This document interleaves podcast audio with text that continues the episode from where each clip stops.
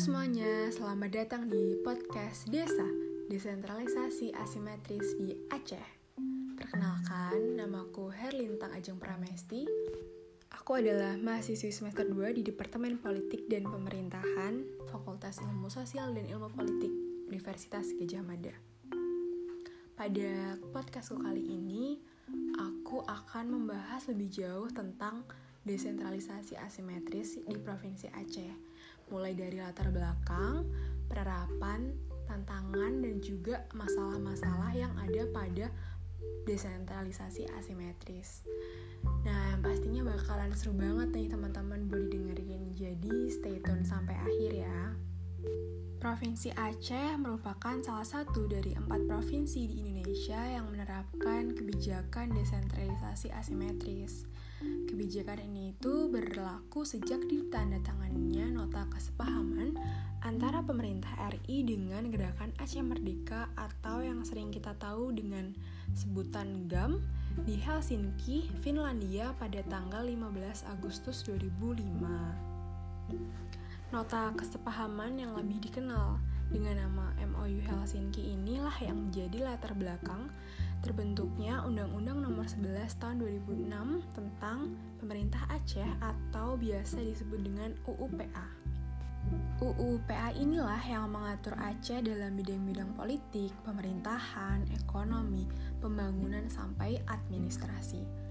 Setelah adanya MOU Helsinki ini, hampir semua tatanan pemerintahan di Aceh itu mengalami perubahan, yaitu lebih menerapkan konsep-konsep kearifan lokal dalam upaya meningkatkan kesejahteraan masyarakat melalui lebih mudahnya pelayan yang diberikan.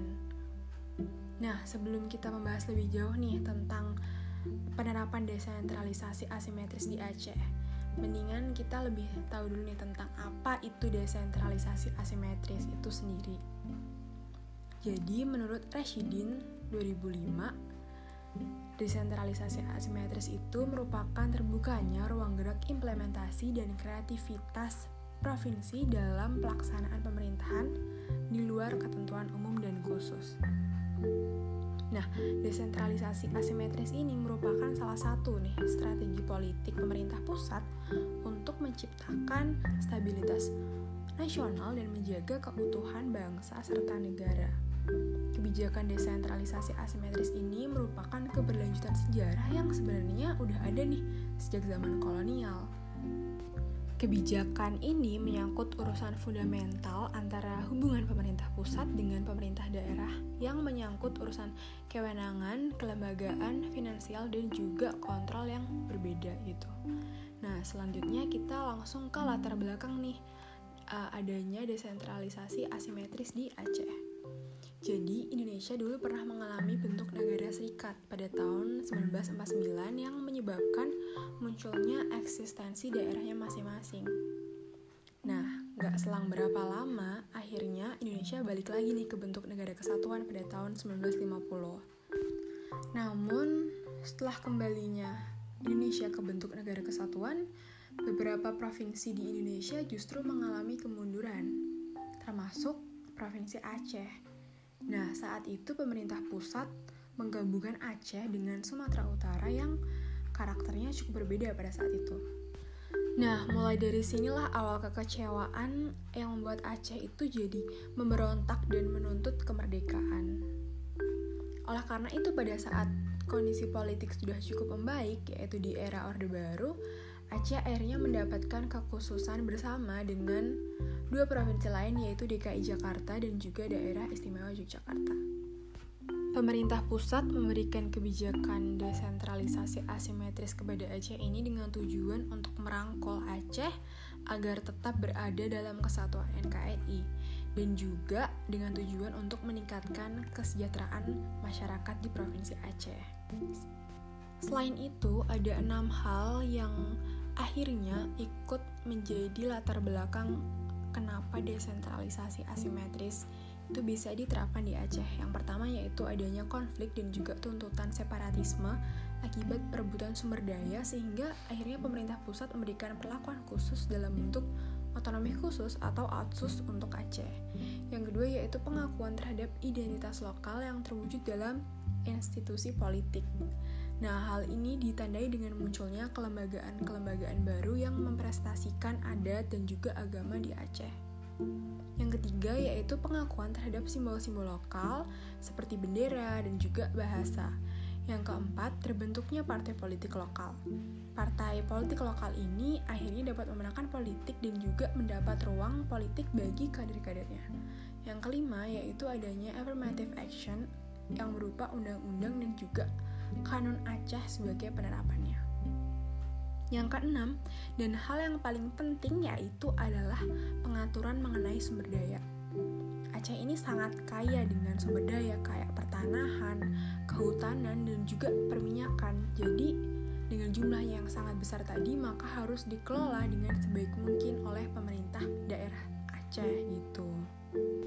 Untuk penerapannya, pemerintah pusat memberikan konsesi-konsesi yang luas kepada Aceh, yaitu dengan melimpahkan kewenangan administrasi, politik, mengakomodasi identitas lokal, hingga memberikan sumber keuangan yang besar. Ada tiga bentuk desentralisasi asimetris di Aceh. Yang pertama yaitu desentralisasi asimetris dalam bentuk Undang-Undang Nomor 11 Tahun 2006 atau yang kita sebut dengan UUPA tadi. Yang kedua yaitu desentralisasi asimetris dalam bentuk variasi otonom yang diberikan kepada Provinsi Aceh, yaitu otonomi luas untuk kabupaten atau kota secara umum, otonomi terbatas untuk provinsi, dan otonomi khusus berdasarkan UUPA. Yang ketiga dalam bentuk reaksi perlakuan khusus pemerintah pusat kepada pemerintah daerah berdasarkan kebutuhan nyata, potensi, dan akar permasalahan yang ada di Aceh. Desentralisasi asimetris ini memberikan kewenangan kepada Aceh untuk mengembangkan model pembangunan yang berbeda dan model demokratisasi yang unik berbasis pada kebudayaan masyarakat Aceh, yaitu mewariskan nilai-nilai agama dan juga adat istiadat yang cukup kuat gitu. Melalui desentralisasi asimetris, otonomi khusus Aceh ini telah memberikan kekhususan bagi Aceh sehingga ruang gerak implementasi dan juga kreativitasnya ini bergantung kepada kekuatan provinsi dan kabupaten atau kota itu sendiri.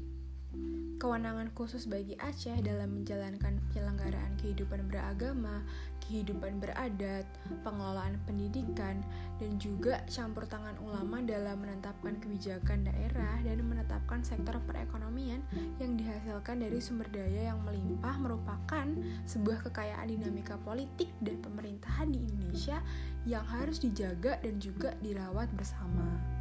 Namun, di balik penerapan desentralisasi asimetris tadi, terdapat banyak tantangan dan juga masalah nih mulai dari kinerja pemerintah provinsi Aceh yang kurang maksimal sehingga menyebabkan kebijakan ini tuh terancam gagal sampai pada kebijakan desentralisasi asimetris yang bisa berjalan lamban jika pemerintah ini yang mengelola tidak inovatif, tidak kreatif, tidak responsif, dan juga kurangnya kualitas sumber daya manusia aparatur yang mengelolanya. Tantangan yang lain yaitu pemerintah pusat yang kurang memberikan bimbingan dan juga pengawasan kepada Provinsi Aceh. Yang selanjutnya untuk bagian masalah ini ada beberapa masalah yaitu mulai dari ketidakharmonisan kewenangan antara pemerintah Aceh dengan pemerintah pusat yang bisa menyebabkan benturan kewenangan dalam pengelolaan pegawaian, pertahanan, penyelenggaraan pemilu dan pilkada, serta pengelolaan keuangan dan juga dana otsus Aceh. Selain itu, penerapan desentralisasi asimetris ini juga kurang baik di bidang ekonomi gitu karena pemberian dana khususnya belum meningkatkan pertumbuhan ekonomi dan juga investasi di daerah Aceh dan juga masih terjadi kesenjangan pendapatan di masyarakat Aceh. Selain itu, daya serap anggaran pendapatan daerah dan juga belanja Aceh pun belum maksimal setiap tahunnya.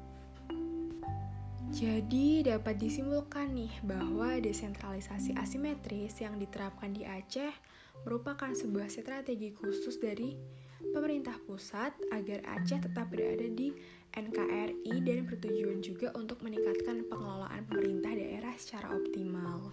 Desentralisasi asimetris ini bukan perlimpahan wewenang biasa, tapi sebuah perlimpahan wewenang khusus dan tidak semua provinsi bisa mendapatkannya gitu.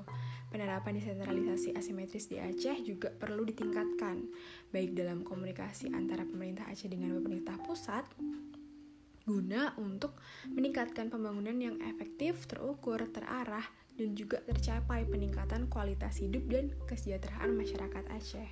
Jika tidak ada peningkatan, resiko terburuknya yaitu adalah kegagalan. Gitu. Wah gak kerasa udah di penghujung podcast nih teman-teman. Terima kasih yang sudah mendengarkan sampai akhir. Have a nice day.